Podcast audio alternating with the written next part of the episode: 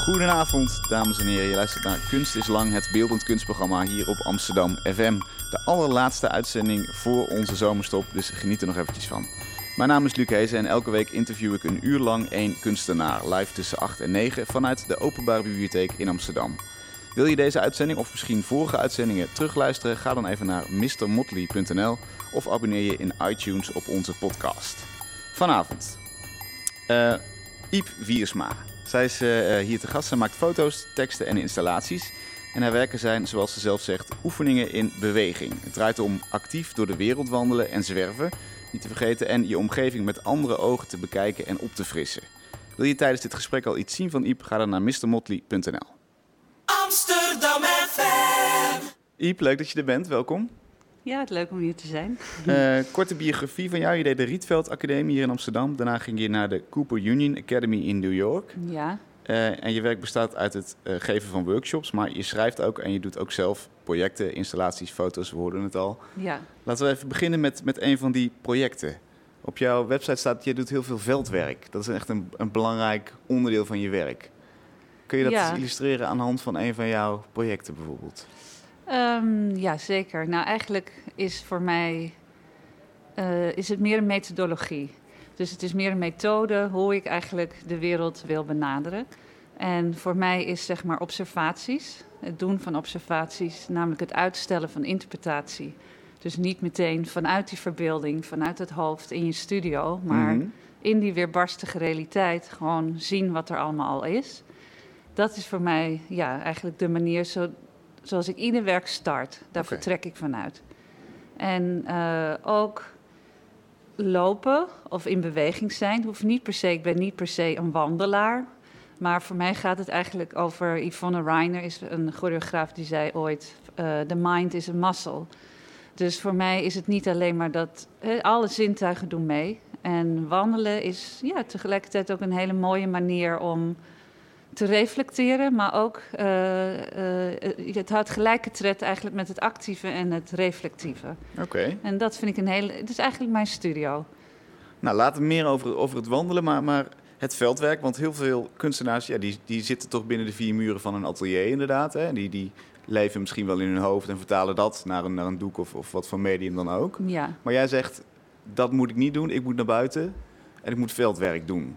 Leg uit, waarom is dat, waarom is dat zo belangrijk? Ja, nou, omdat ik eigenlijk. eh, ja, het, het, het maakt eigenlijk dat ik me gewoon. eh, dat ik leef. Dat voelt voor mij heel essentieel, heel zintuigelijk. En ook zijn er zoveel beelden al in de wereld. Ik heb er eigenlijk niks aan toe te voegen. Dus ik ben niet op zoek naar. Op, op de Rietveld Academie, toen ik daar nog zat, had ik daar altijd heel veel moeite mee. Dan maakte ik een installatie van allemaal zelfbedachte vormen. En eh, ja, dat ging me redelijk af. Mhm. Of ik eh, plaatste iets in een lijst en hing het aan de muur. En ik werd er eigenlijk altijd heel ongelukkig van, omdat het op dat moment bevriest. Het wordt statisch. Mhm. En dat bewegelijke, dus niet alleen maar in de methode, maar ook een vorm te vinden in het werk waar die bewegelijkheid overeind blijft eigenlijk. Wat in de dans heel normaal is, of in muziek. Dat is voortdurend in verandering. Mhm. Kan ik binnen de beeldende kunst ook een vorm vinden. Waar ik veel meer eigenlijk het tijdelijke van dit bestaan, want dat is beweging ook. Eh, het elastische, dus dingen eigenlijk feit en fictie, maar ook vroeger en nu, eh, door elkaar kan weven. En dat is ook wat ik bedoel met bewegelijkheid. Het gaat dus ook over vitaliteit. Niet alleen letterlijk, maar ook eh, overdrachtelijk. Leg eens uit aan, aan de hand van een van die projecten. Hoe werkt het dan voor jou? Hoe, hoe ontstaat zo'n project bijvoorbeeld? Ja, nou, ik ben altijd wel op zoek ook naar dingen die me opvallen. Ehm, zoals nu bijvoorbeeld werk ik aan een project. Dat is eigenlijk begonnen een jaar geleden. Toen was ik in New York. En toen was het schilderij van Piet Mondriaan, de Victory Boogie Woogie, was ineens weer terug in mijn vizier. Ik had het natuurlijk, iedereen vindt het mooi. En het is ook een heel goed schilderij. Maar ja, wat moet ik daarmee? Maar ineens zag ik het weer en ik snapte het zo goed. In, ik vond het zo fris en sprankelend. Mhm. En eh, dus toen zat ik er weer over te lezen. En eh, toen kwam ik erachter dat waar ik toen net logeerde om de hoek was eigenlijk waar Mondriaan zijn laatste studio in New York had, in de Upper East Side. Je zat in New York op Ja, ik zat daar Ja. toevallig. Ja. Dus dat kwam, daardoor let je daar denk ik ook meer op. En dat grit natuurlijk van die stad, nou ja, dat is allemaal wel bekend. Mhm. En toen liep ik door een straat en toen zag ik inderdaad de Theosofische Vereniging. Uh, waar uh, Piet Mondriaan ook lid van was. En waar die ja, heel, ja, een groot deel van zijn kunst heeft daar ook mee te maken, is daarop gebaseerd. En uh, dat is het hoofdkwartier. Dus ik dacht dat moet dezelfde theosofische vereniging of club zijn geweest waar hij zelf ook naartoe ging. Dus toen ben ik daar naar binnen gegaan en heb ik ook navraag gedaan of hij daar misschien lid van was geweest. En uh, zo kwam ik in contact met Michael Gomez. Dat is de bibliothecaris van die theosofische vereniging. Nou, een heel wonderlijk type. Geweldig, die meteen me mee naar beneden sleurde, naar de lijstenmakerij daarnaast. En mij zo naar voren duwde en zei: Kunnen jullie haar inlijsten? ik dacht, oké, wat, een, wat een bijzonder begin. uh, dus uh, nou ja, met hem heb ik nu wel een soort van briefwisseling opgebouwd. Uh, daarnaast beneden in die theosofische vereniging is een klein esoterisch boekwinkeltje. Dat heet Quest. Dat vond ik al best geestig. En achterin heeft een man een, ja, hoe noem je dat, een astrologer in het Nederlands. Hoe noem je dat? Zo iemand die de ja, ik weet het echt niet. astroloog? Nee, ja, hoe noem je dat nou gewoon? Iemand die horoscopen leest of gewoon... Astro huh? Iemand die aan hand leest? Of? Nee, nee, nee. nee mag nou, niet. iemand die horoscopen uh, maakt. Ja. Goed. Um, uh, en aan de hand gewoon van astronomie. En uh, wat, iets wat Piet Mondriaan ook vaak deed. Okay. Ja, die liet altijd zijn chart lezen. En dus toen heb ik die man gevraagd, Bart Lidowski heet hij... of hij misschien een uh, astrology chart wil maken van mijn relatie tot Piet Mondriaan. Dus kan hij dan uitrekenen aan de hand van mijn geboortedatum Mhm. en op welk uur ik geboren ben. En hetzelfde met Piet Mondriaan, dat is bekend bij hen. Ja. Dus toen heeft hij dus een twee uur lange sessie met mij gedaan, waarin eigenlijk een soort fictieve relatie tussen ons twee werd, uit de doeken werd gedaan. Dus dan zei hij dingen van, nou, als ik naar jou kijk, jouw persoonlijkheid is bijvoorbeeld extreem splay. En splay is dat je bent overal tegelijk, je bent nergens lang op één punt. Terwijl Piet, zei hij dan, is iemand die eigenlijk heel weinig ideeën heeft. En maar heel erg gedreven en gefocust. Als hij iets wil, gaat hij door. Dus dat was. En waarom doe ik dat? Waarom vertel ik dit eigenlijk? Omdat dat dingen zijn voor mij. Daar heb ik enorm veel aan om vervolgens die informatie mee naar huis te nemen. En daar bijvoorbeeld een fictieve dialoog te schrijven over dat ik met Piet Mondriaan over straat loop. Snap je? Dus ik heb die informatie nodig uit die realiteit om het gewoon eigenlijk heel in, ja, om het te laten leven. En is dan het moment dat jij uh, uit jouw gehuurde appartement gaat en in de hoek om uh, uh, beseft, hé, hey, hier zit die antroposofische vereniging, denk je dan dit wordt een werk? Of is dat nee, denk ik nog helemaal niet. Nee, dat is echt wel nieuwsgierigheid, daar begint het mee. Hmm. Ja, en natuurlijk dan leidt één spoor tot een ander spoor. En, en dit is een project waar ik eigenlijk wil proberen. Het heet Elastic Novel. Of ik een project kan maken, eigenlijk een soort pop-up boek, waarin ieder hoofdstuk op een andere manier op een andere plek ontstaat. Dus het is opgebouwd als een roman. Mhm. Er zitten verschillende personages en plekken in. Maar de ene keer kan het een serie zeefdrukken zijn. De andere keer komt het tot uiting in een video of een wandeling. Dus het zijn allemaal verschillende elementen waarin ik eigenlijk ook probeer om dat nu te vangen. En uh, ja, dus dat is echt een. Uh, de novel uh, will be live. Ja. Oké, okay, Ja. oké. Okay. En um, weet jij op het moment dat jij in zo'n uh, uh, in zo'n winkeltje staat al wat, wat het werk gaat worden? Is dat, uh, heb je een soort van, van einddoel in je hoofd? Of nee, dat, was, dat werkt eigenlijk veel meer als een patchwork, denk ik. Of als een soort lappendeken. Mm -hmm. Waarin dat zo langzamerhand... Ik, laat ook heel, ik vind het ook heel belangrijk, zoals een ontmoeting met die ander... vind ik heel aangenaam om te zien wat er dan gebeurt. Een soort improvisatie. Ja. Uh, ik denk dat het ook echt een receptuur is voor mijzelf voor een avontuurlijk bestaan. Ja. Uh, dat is natuurlijk, daar, ik vind het ook natuurlijk heel aangenaam. Ik weet ook niet waar ik in verzand. En dit was nu in New York, maar dat kan ook hier op de Dam. Ja. He, dat kan overal. Is, is de kunst dan ook een soort stok achter de deur om dat avontuur aan te gaan? Ja, absoluut. Ja, ja ik denk het wel. Dat is, eigenlijk is kunst een enorm uh, uh, goed recept om dat in te zetten. Ja. Wanneer kwam je daarachter eigenlijk van dit is mijn methode, zo moet ik te werk gaan? Um, nou, ik denk wel doordat ik dus op de Rietveld zo vaak niet goed snapte waarom ik zo. Uh, ja, me zo geremd voelde in, in, zeg maar, binnen die white cube of binnen die manier van tentoonstellen of dingen maken. Mhm. Dat ik dacht van ja, dat is ook eigenlijk een vorm zoals we die al kennen. Maar wat mijn vorm was, wist ik nog niet helemaal. In het schrijven was ik, voelde ik me wel vrijer al, gek genoeg. En eigenlijk pas toen ik na de Rietveld Academie naar Cooper Union ging, in New York ook, waar ik studeerde. Toen denk ik, doordat je, gelijk, dat je, je bent en in een nieuwe stad, uh, wat ook al, weet je, dan wil je eindeloos, loop je als een hond rond bijna om overal tegenaan te pissen. Ja. Om eigenlijk je, je uh, de kaart in het gebied te, te vangen. Ik denk dat er toen een klik kwam. Dat ik dacht van ja, maar dit is wat ik eigenlijk waar ik me het beste in kan uiten. Om uit, vanuit die ervaring eigenlijk een script te maken.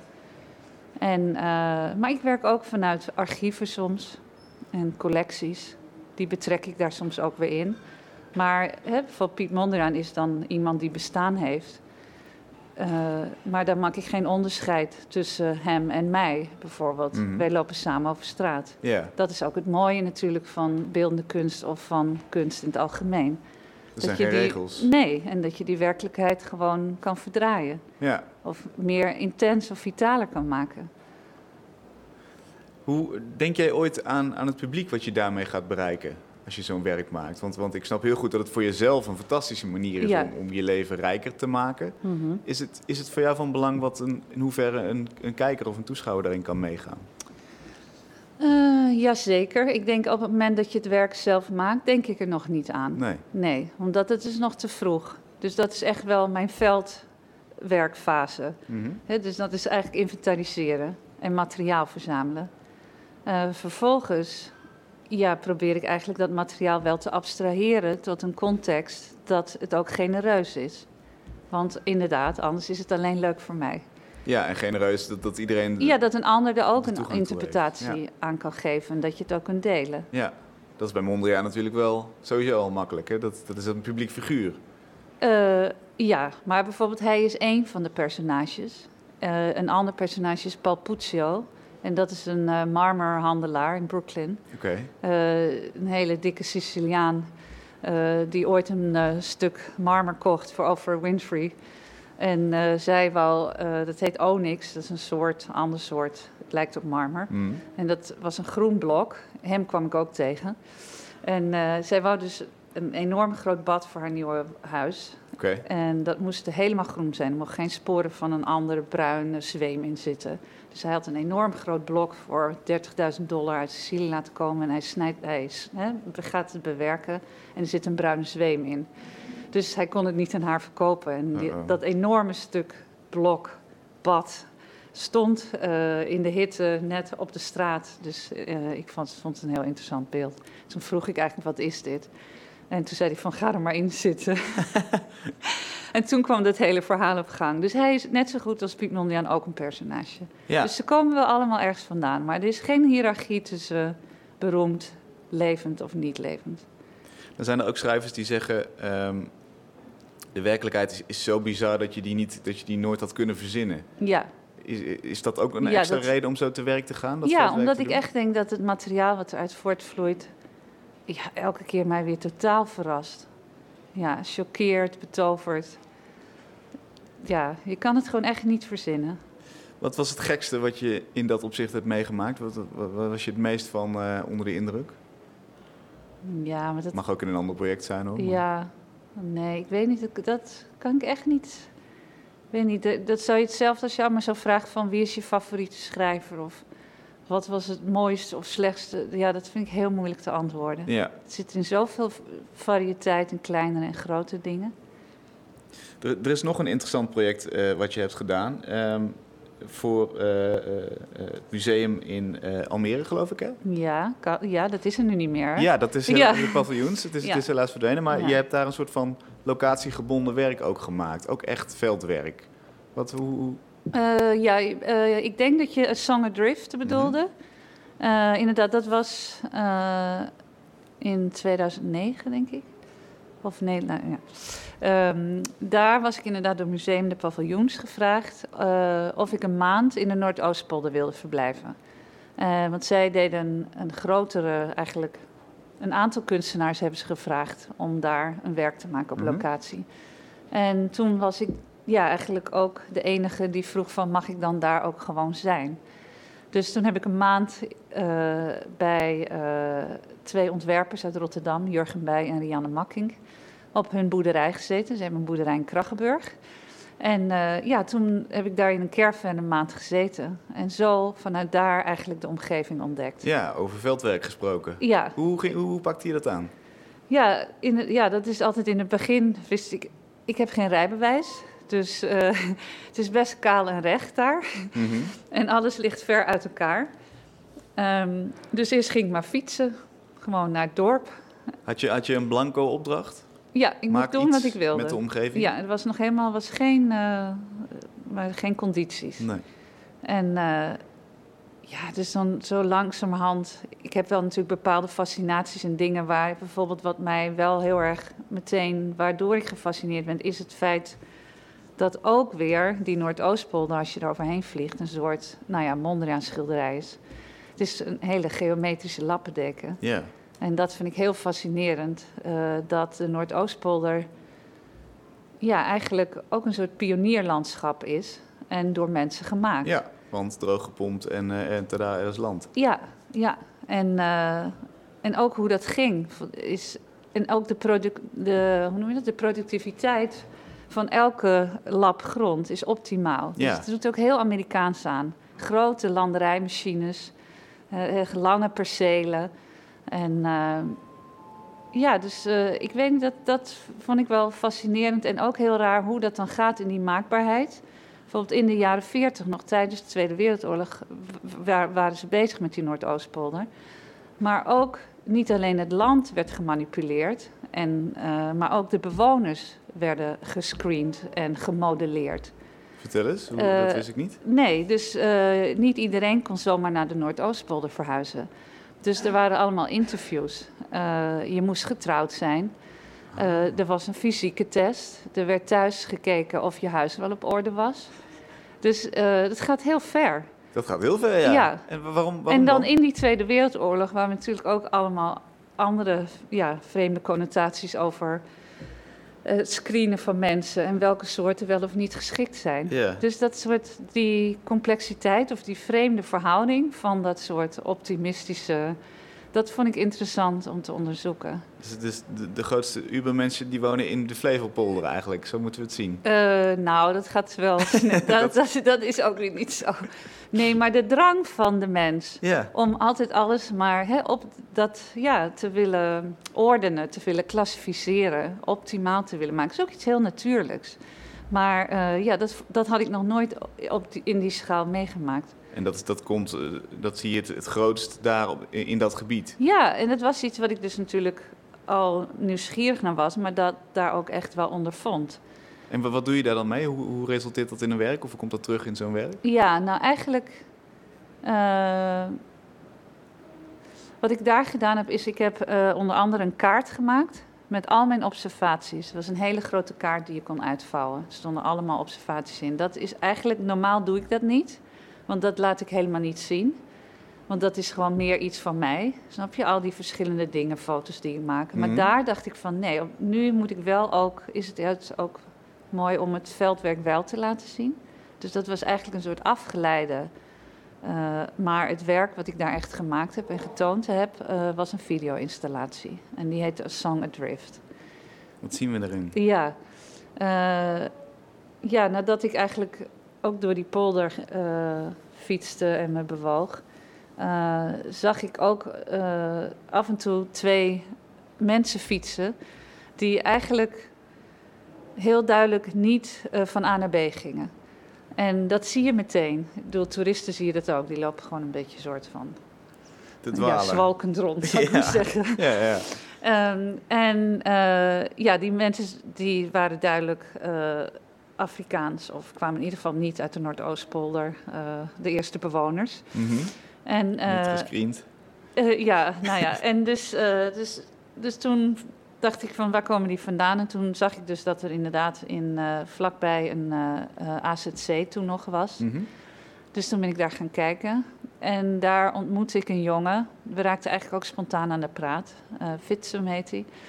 En, uh, en die zei eigenlijk tegen mij al meteen van, ben je niet bang? En toen zei ik, wat bedoel je? En toen zei hij, voor het water. Oh ja. En toen zei hij van, ja, want ik kan niet zwemmen. En we zijn hier onder het water, is mij verteld. En hij was er nog niet zo lang. Dus, uh, dus ja, dat, ja, dat is dan ineens komt dan, is, een, weet je, is zoiets vanzelfsprekends. Eigenlijk een hele logische vraag van hem. Maar ik had die vraag mezelf niet gesteld. Ja. En uh, ja, dus en toen uh, hebben we eigenlijk heel lang gesprek gehad. En toen fietste ik s'avonds weer naar huis. En toen moest ik ook toch ook weer denken aan dat water. En die Zuiderzee, die ingedempt is, die vroeger ook wild was. En over zijn tocht, dat hij eigenlijk via Eritrea ja, een helse tocht door de woestijnen van Libië. En dan maar zien op een klein bootje te komen met te veel mensen waarvan ja, een aantal overboord slaan. En dan spoel je aan in Lampedusa. En dan denk je, ik ben er. Maar dan begint nog een keer een ja. hele lange tocht waarvan je geen idee hebt. En uiteindelijk spoel je dan aan in de Noordoostpolder. Dat is, weet je, en, en toen ik daar aan dacht, ja, toen ineens viel het beeld samen. Toen moest ik aan dat verhaal denken. Ik moest denken aan de Odyssee van Homerus. Mm En dat ik dacht van eigenlijk is zo'n epische vertelling gebeurt natuurlijk nu precies zo.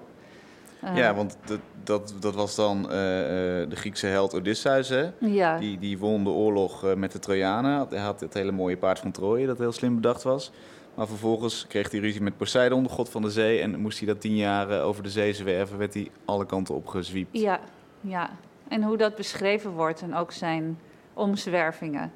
En ja, die tocht over zee. Ik weet niet, die associatie had ik ineens. Ik yeah. ja, dat is, is misschien een literair figuur, maar ik heb net dit verhaal in het echt gehoord. En um, ik had ook een stukje land vlak naast de boerderij gezien, waar nog een oude vuurtoren stond. Van de tijd dat het daar nog allemaal water was. En toen heb ik hem gevraagd om uh, een keer uh, in de nacht, vlak voor zonsopgang, of hij in dat veld wilde gaan staan uh, met een hele grote marine zaklamp. En of hij uh, in morsetaal, dus mm -hmm. in de mariniers morsetaal, de eerste passage van de uh, Odyssee van Homerus wilde zijnen. Ah, oké. Okay. En dus het is eigenlijk een heel abstract beeld. ja, maar ja, het is, en je ziet dan langzamerhand van de zwart, zie je de blue hour, zie je dan eigenlijk begint de dag. En uh, ja, dat is dus eigenlijk een heel stil beeld ook, van ongeveer negen minuten. Mooi. Ja. Ja, mooi beeld. En, Ja. en, en echt vanuit, laten we zeggen, de, de klei van die, van die polder opgetrokken ook wel. En dan verbonden met iets wat... Wat, eh, Wat eh, veel verder weg een is. eeuw voor Christus lag. Ja, maar ook gewoon wat. Ja, ook weet je, dus als je dus al die omzwervingen die misschien allemaal nergens toe, hè, heel veel dingen denkt een ander van waarom doe je dat allemaal? Want je kan ook gewoon meteen to the point komen, weet je.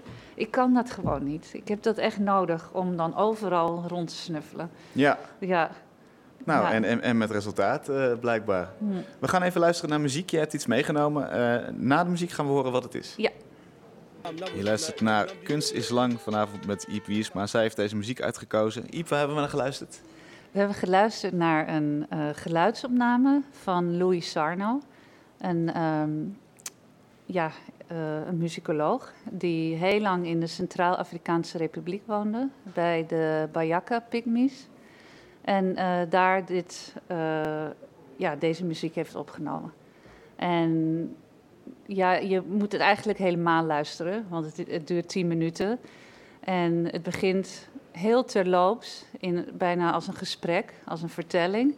En dan langzamerhand eh, verandert het in een steeds complexere polyfone compositie. Die, ja, voor, ja, die, waar, die ook echt gewoon een transachtige werking heeft. En die, ja, ik vind het echt zo... Het is voor mij heel spiritueel. En hoe, hoe luister jij dit?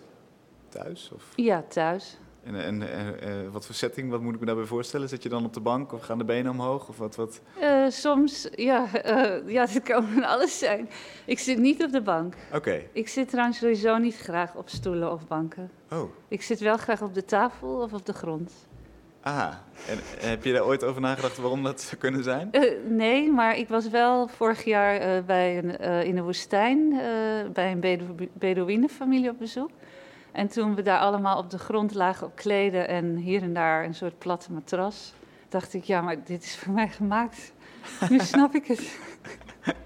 Weg met al die meubels. Jij bent in de vorige leven Bedouine geweest. Nee, dat is, dat weet ik niet. Maar ik vind het zo, omdat ik dan kan... eh, ja, ik weet dan voel ik me veel bewegelijker. Oké, Dat is net zoals wat ik je eerder zei over dingen maken. In een stoel heb ik dan het gevoel dat ik maar één positie heb. ja. Ja, Ja, ja, daar is hij ook voor ontworpen feitelijk. Dus dat, dat, dat, klopt dan ook wel. ja. Nou, over dat bewegen gesproken. ehm, ik zei het al in de introductie, je, je geeft ook workshops. En dan gaat het bijvoorbeeld over het belang van wandelen en, en je voortbewegen. Leg eens uit, waarom, waarom is dat zo'n goede praktijk? Ehm, ja, het is eigenlijk, eh, ik denk als je les geeft, eh, dat het beste wat je kan doen is wat je zelf, wat je zelf eh, beoefent. Dus, eh, en voor mij, hè, wat ik eerder zei, zijn die observatiemethoden en eh, in de wereld zijn door middel van beweging, lopen, is denk ik ja, een manier waar voor mij het materiaal verzamelen begint.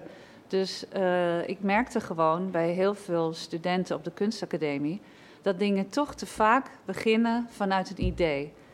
En dan hebben ze een idee en dan duurt het heel lang voordat er wat gebeurt. Dus ze blijven maar praten. Ze hebben allemaal ideeën in hun hoofd Hm? over wat er dan moet gebeuren. Dat geldt echt niet voor iedereen. Hè. Er zijn ook heel veel die wel meteen.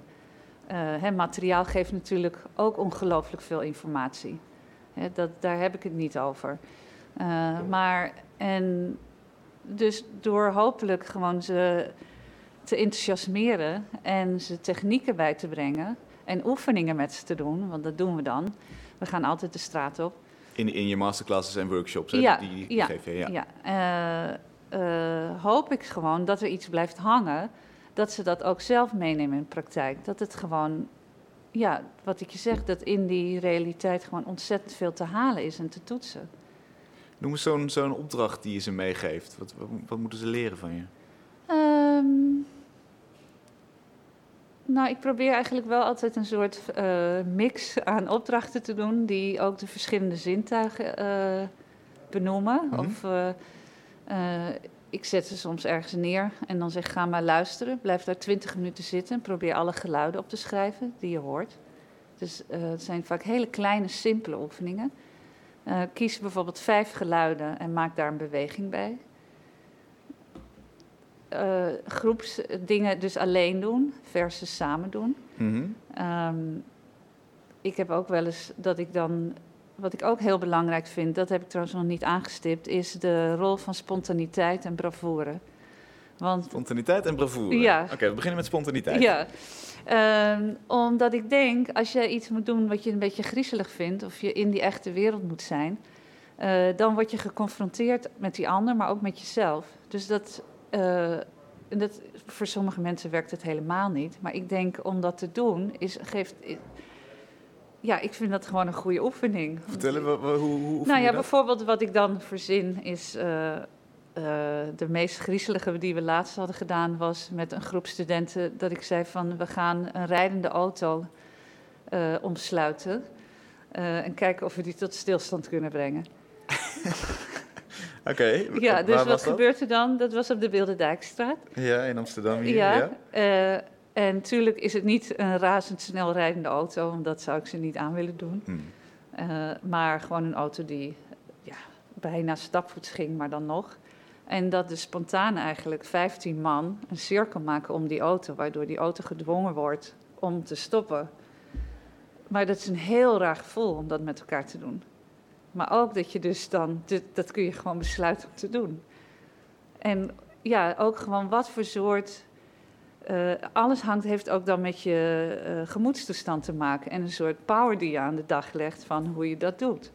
En, en eh, daar ging het je om, het idee Ja, van dit kun je beslissen kijken- om te gaan doen. Ja, laat ze kijken of dat lukt. Hm. Nou ja, en daarna was, ja, vond- was iedereen wel een beetje opgewonden en aan het giechelen van... oh, wat hebben we net gedaan. En, en eh, is het dan in die sfeer dat je, dat je vervolgens met werk aan de slag moet, om- omdat dan je visie breder is? Of, of wat? Ja, ik weet niet. Ik ben niet zo ik, ik, ik ben niet geïnteresseerd dan in uh, dat het dan meteen uh, een meting moet zijn hoe zich dat vertaalt. Hmm. Ik ben geen vaste docent, ik, daar ben ik ook niet geschikt voor. Maar wat ik denk ik gewoon doe, is dan gewoon een, ja, een hele hoop improvisaties en oefeningen. Om ze gewoon een soort tools te geven. Uh, en dingen. En ook gewoon allerlei. door een ander te ontmoeten in een supermarkt, maar ook om samen te werken. ja, daarmee rek je ook je eigen identiteit op. Blijkbaar is, is, is het dus nodig om daar oefening in te hebben. Is dat niet vanzelfsprekend? Ja, dat is een hele goede vraag. Ja, want dat zou je eigenlijk denken van, is dat, is dat niet al zo logisch? Dat hoeven we toch helemaal niet echt een vorm aan te geven? Ja. Ja, maar uh, het moet gewoon een onderdeel zijn inderdaad van uh, die ja, van je eigen kunstenaarschap, maar misschien wel voor iedereen. Uh, maar zo logisch is dat dus helemaal niet. Noem, noem er nog eens eentje. Je ja. zei misschien wel voor iedereen, dus ook voor, voor de niet-kunstenaar die nu luistert. Wat, wat voor tip geef je die mee? Ja. Uh, ja, ik weet niet. Het zit volgens mij gewoon. Ik, het is niet dat ik hele exotische dingen alleen maar doe, zoals een auto omsluiten. Oké. Okay. Uh, maar die zou ik ook niet aanraden, ook niet in je eentje, denk ik. Uh, nee, nou ja, waarom niet? Probeer maar. Ah, oké, oké. Nou, die is, voor, die is voor jouw rekening. Ja. um, nee, nou, ik kan het zo nu even niet meteen één plaatsen. Maar ik denk echt door langer naar iets te kijken of te luisteren... Uh, of het nog een keer te doen... ja, zie je ineens veel meer. Ja, ik zag ook dat een van de opdrachten was: uh, ga, in, ga in, in, je eentje naar een café, ga aan de bar zitten en, en beschrijf een relatie tussen twee mensen die je bespioneert. Ja. ja. Vond ik ook wel een leuke. Ja, ja, dat is ook altijd. Ik doe ook veel dingen altijd met taal. En inderdaad, dat is ook een hele simpele. Je, je kijkt om je heen of je gaat naar een café en je kiest twee mensen uit die met elkaar in gesprek zijn. En observeer ze, kijken wat voor soort mensen dat zijn. En vervolgens maak je eigenlijk een fictieve dialoog. Of geef ze eerst kenmerken, mhm. zodat je een soort script krijgt, een kaart van eigenschappen die komen vanuit die observatie. En vervolgens maak je daar, verzin je daar een dialoog bij. Die kun je ook met z'n tweeën doen. Ja. Wat, wat denk je dat daar uitkomt? Of wat, wat, wat, wat heeft het voor voordeel? Nou, omdat ik ze wil uh, nu klinkt het wel alsof ik trouwens echt alleen maar met die workshops en mensen aan, dat valt eigenlijk wel mee. Maar, ja, nee, nee, nee, je hebt ook nee, eigen werk. Dat, ja, nee, tuurlijk, maar ik bedoel, um, ja, nou ja, als je bijvoorbeeld het verschil zou doen tussen de oefening uh, gewoon thuis op de bank te doen, uh, of eerst gewoon de wereld in te gaan te observeren en dan te schrijven, dat is wel een andere route. Mm -hmm. En mhm. dat, dat merken ze ook dat het anders is. Het is niet beter op een gegeven moment. Ik heb ook vaak dat ik dingen, ineens schiet je een beeld te binnen wat je eerder op de dag hebt gezien. En dat kan voldoende zijn om een hele kort verhaal te schrijven. En, uh, maar ik denk dat, uh, ik vind het ook heel mooi. Alle, weet je, het is ook het aanraken van het oppervlak, gewoon van, wa van wat je ziet, de texturen. Is dat iets wat uh, wat jij van nature doet? Of, of heb je dit ook weer ergens vandaan gehaald, laat ik het, laat ik het zo maar zeggen? Mm. Nee, maar door mijn nieuwsgierigheid denk ik wel dat je uh, daar, daar verder in gaat of dat beoefent. En ja, ook schrijvers bijvoorbeeld zoals Tim Ingold is een antropoloog. Die heeft een boek geschreven over lines of being alive. En dat is iemand die dan veel meer theoretischer ingaat op wat dat is. Mm maar uh, ja, being alive is, is wel, raakt dat wel. Dus, dus een actievere houding dan je misschien uh, van nature zou doen, is het denk ik. Ja. En echt actief de, de buitenwereld naar binnen halen eigenlijk. Ja. Door ja. observaties, door te voelen, door te ruiken. Door ja, maar ook om gewoon niet bang te zijn. Ik denk dat dat ook wel een hele. Dat, dat zit er wel onder. En ik bedoel, dit zijn dan kleine dingen, maar als je het meer het is net als ik je vertelde over die jongen die ik ontmoette in het AZC in de Noordoostpolder. Heel veel dingen die ongemakkelijk zijn of onwennig. Ik bedoel, die realiteit is weer barstig. Hmm. En die is niet altijd aangenaam. Je kan niet, ik vind het niet interessant om alles zelf te modelleren. En om volledig een eigen. waar geen ruimte is eigenlijk voor die scheuren. En voor al die chaotische uh, elementen die dat leven heeft. Hè, waar je soms niet goed mee om kan gaan. Maar om die onderdeel te, durven laten zijn van een proces, net zoals muzikanten doen bij improvisatie, dat is wel, vind ik, een waarde om, om te blijven beoefenen. Ja. Is het ook wel eens misgegaan? Eh, ja, voortdurend. Vertel eens, geef eens een voorbeeld. Ik, n- niet, het gaat nooit mis in, eh, hè, want dan wordt het geen werk. Dus dat kan ik dan nu niet. Maar ja, natuurlijk, heel vaak wil ik iets. Eh, bijvoorbeeld, ik wil op dit moment heel graag contact maken met eh, de meneer die onlangs het duurste appartement van Amsterdam heeft gekocht. Ja. Eh, dat lukt nog niet zo goed. Een Chinees, geloof ja, ik? Ja, Toch? In de, Ja. stond in Parool. ja nou, hè? maar wie weet lukt het nog. Ja. Maar eh, dat is ja, iets voor een project wat ik nu met Lotte Geven doe. Dat is een performanceavond op 11 juni Mhm. in de Oude Kerk. Oké. En ja, Lotte en ik hebben al eerder samengewerkt voor een project dat heet Surveillance. En eh, in Den Haag, waar we eigenlijk ook een aantal acts in, de, in een afgekaderd stuk in Den Haag eh, spontaan eh, uitvoerden. En dat waren allemaal dingen. hoe, hoe bedoel je dat? Nou, eh, het is in de openbare ruimte. Mhm. Als je iets in de openbare ruimte wil doen in Nederland, dan is vaak de eerste vraag die meteen reist: heb je daar vergunning voor? Oh ja. Dat is een soort, ook kunstenaars zeggen dat vaak. En nou ja, dat is nou precies wat, wat we eigenlijk dan niet willen, Mhm. omdat we zoiets hebben van wat, wat is die spontaniteit binnen die openbare ruimte? Mhm. Kun je een interventie doen of kun je een beeld maken wat een tijdelijke disruptie geeft? En ook ja, spannend is, maar ook visueel interessant. Eh, en dat doen, gaan we nu weer doen in de Oude Kerk. En, en waar heb je dan die hele rijke Chinese meneer voor nodig? Ja, ik zeg waarschijnlijk nu alweer te veel.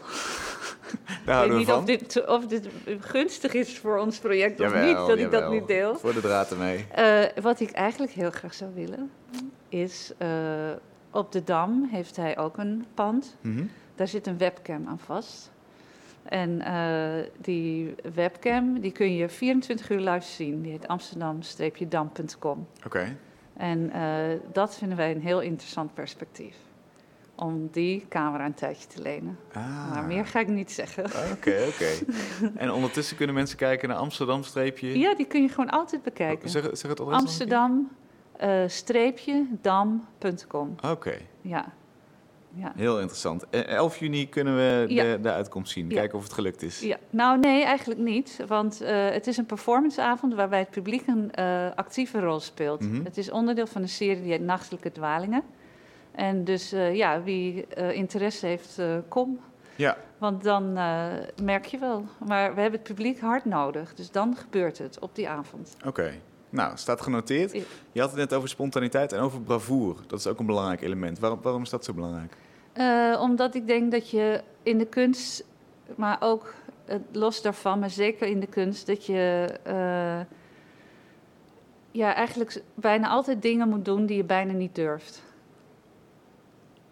Want als dat niet het geval is, dan je moet vaak, ja, je moet door dingen heen durven breken. Om iets, iets tot iets groots te komen of tot een actie te komen. Eh, waarvan je anders zou denken, nou laat maar, dat vind ik te griezelig. Aha. Ja, en, eh, ja, en een ander zal zeggen, ja, maar waarom? Ik voel me daar niet gemakkelijk bij. Maar ik denk, op het moment dat je dat pro- probeert, rek je eigenlijk wel je landschap op. Ah, of, of je identiteit op. En ik denk, ja, ik vind dat zelf heel aangenaam. En pas dan wordt het spannend, anders wordt het middelmatig en bekend. Of... Ja, ja, denk ik wel. Hmm. Ja, en ik denk.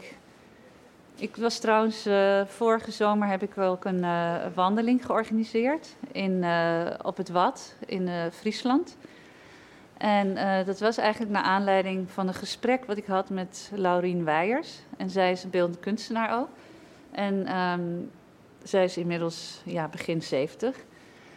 En zij had een regel geschreven, dat was iets van... We have to begin to learn to live with groundness. Groundlessness, heel moeilijk woord. Groundlessness. Ja, dus eh, geen grond eigenlijk eh, te hebben. Dus daar moeten we aan wennen. Dat je eigenlijk nooit grond onder je voeten hebt. En, eh, In welke zin?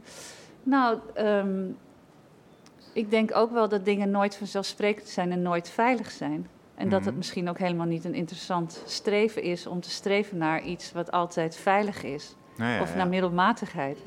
Maar om dus altijd eigenlijk hè, dat gevaar op te zoeken, want dat is er ook. Eh, kijk maar naar de natuur, eh, of nat eh, natuurlijke omgeving, naar eh, tyfonen of vulkanen.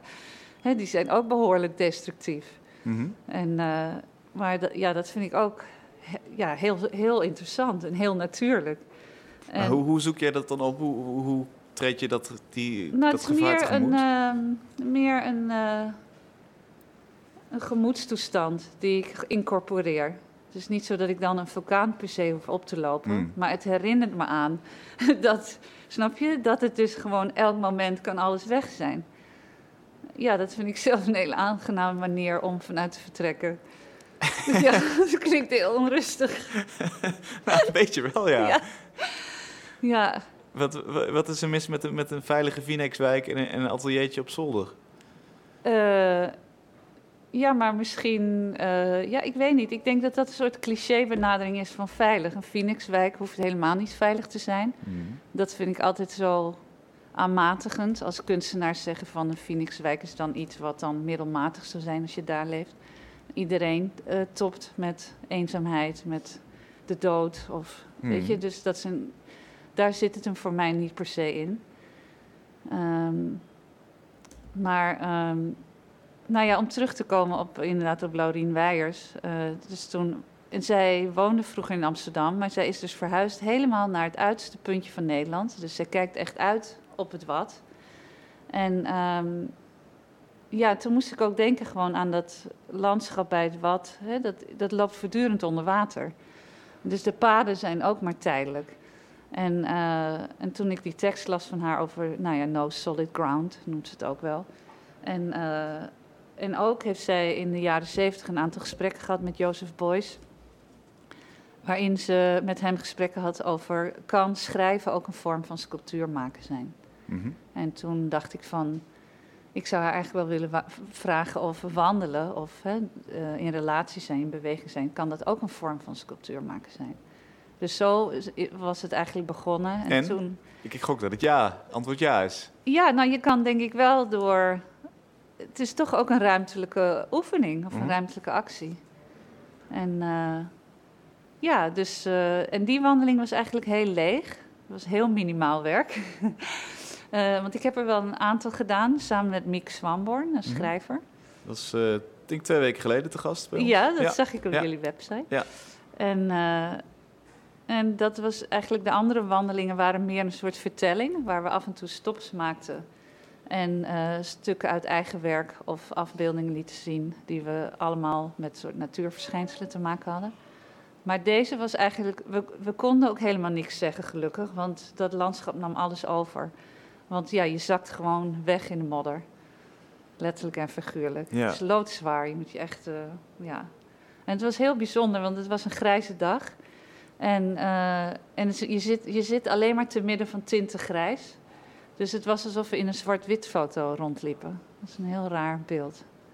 Dus, het, dus het belang van die wandeling, ook artistiek, is, is je overgeven aan alle indrukken die binnenkomen. En, en, en je daardoor laten leiden in plaats van dat het vanuit hoor. jezelf komt. Nee, nee, want sorry, nee, dat is dan een misverstand. Ik zie het ook niet als een werk.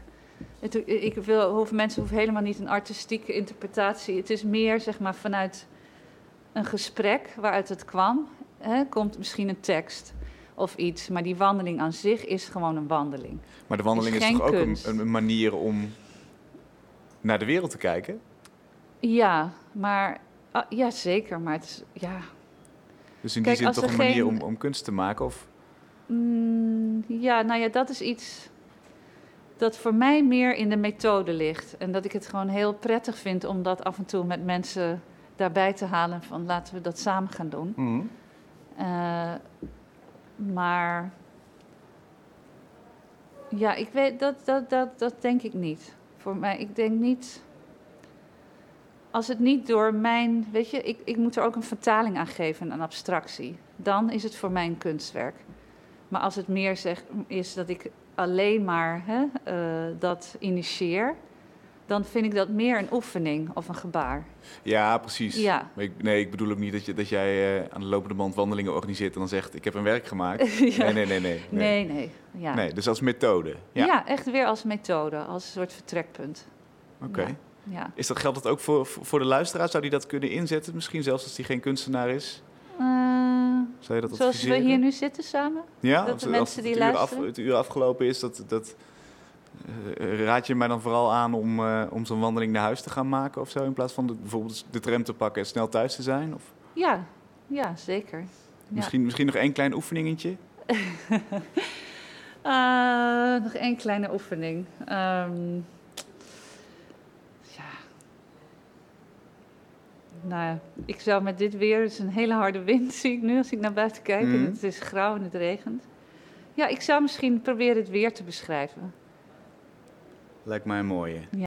Je luistert naar Kunst is Lang vandaag met Iep Wiersma. Iep, jij zit momenteel ook in Artis deels van je tijd, hè? in het archief van Art- Artis. Eh, ja, ehm, eh, ik ben... eh, Niet in een kooi, natuurlijk. Nee, Nee. nee. ik wil het liefst alle kooien meteen vanavond nog met jullie openmaken. Ja, ja, ja, ja, ja, heel goed. Nou, wat, wat, doe je daar Ja, wel? eh, ik ben niet in de dierentuin, Mhm. maar in de artsbibliotheek. Mhm. En eh, ja, veel mensen kennen deze bibliotheek niet, Amsterdammers. En die zit aan de plantage Middelaan 45. En eh, dat was vroeger was namelijk de dierentuin en de bibliotheek was samen. En dat komt voort uit het genootschap Natura Artis Magistra. En dat is de natuur is de leermeesteres der kunst. Ehm, die bibliotheek, ja, eh, in deze tijd zijn natuurlijk fysieke collecties worden steeds minder benut, omdat mensen, studenten ook, ja, en iedereen eh, alles online opzoekt. En ehm, met als gevolg dat eigenlijk het grootste deel van de collectie al verhuisd is naar Science Park Mhm. of naar Naturalis in Leiden. En er nu eigenlijk nog één leeszaal is, die heel bijzonder is, een 19e-eeuwse leeszaal. Eigenlijk iets wat je heel erg in, in Londen verwacht, in Kew Gardens of het British Museum, maar helemaal niet in Amsterdam. En wat doe je, wat doe je daarmee op het moment dat zo'n collectie niet meer gebruikt wordt? Dus eh, samen met Claire Weda, zij is eh, cultuurhistoricus, eh, waren we daar een keer. En toen dachten we van, nou, kunnen we hier niet iets mee doen? Dus we organiseren een zeven bibliotheekexpedities. Ehm, op 29 juni is de volgende, waar we eigenlijk een aantal dingen onderzoeken. Het eerste is ja, eigenlijk de collectie weer in beweging brengen. Mhm. Dus, hè, wat ik, dat is ook een vorm van bewegelijkheid. Eh, want er staan ontzettend veel bijzondere eh, boeken op de planken. En eh, dus eigenlijk gaan we op reis eerst hè, die bibliotheek is ontstaan om eigenlijk de hele wereld in kaart te brengen, de natuurhistorie van de wereld. Maar nu gaan we eigenlijk weer op reis in die bibliotheek. En ik trok laatst een boekje eruit, dat ging helemaal over haar. Was, had iemand voor het eerst een haar onder een microscoop gelegd. Eh, ik vond een boekje over onderwater, meubilair. Eh, er zijn de gekste dingen die niemand ooit meer inkijkt.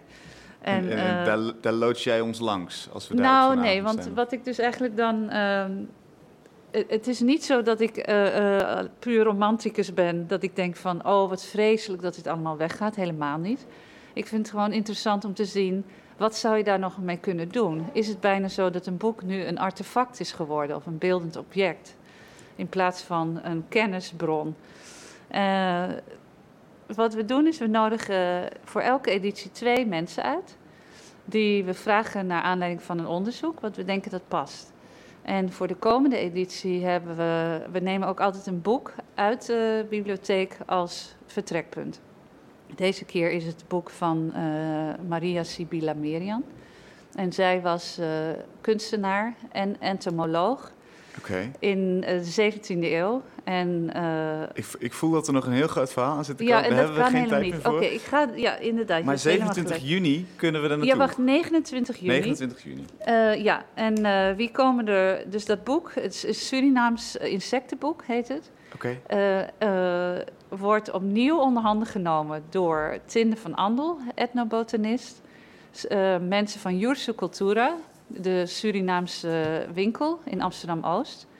En Lotte Gever, beeldend kunstenaar. Heel interessant. Ik roep iedereen op om er naartoe te gaan. Ja. Dankjewel, Iep, Jij voor eh, eh, het fijne gesprek. En daarmee zijn we eigenlijk aan het einde gekomen van Kunst is Lang voor dit seizoen. Ik uh, ben er heel blij mee. We volgens mij hebben we hele mooie gesprekken gemaakt. En ik wil nog heel even snel een aantal mensen bedanken. Heske, de hoofdredactrice van Mr. Motley, die het avontuur aan wilde gaan. Lieneke natuurlijk, de redactrice die meehielp om alles voor te bereiden. Catharina Lublica, die de techniek deed. En alle anonieme kunstenaars die hebben meegewerkt aan de regels via de radio. Wij zijn er na de zomer weer in september. Dank voor het luisteren.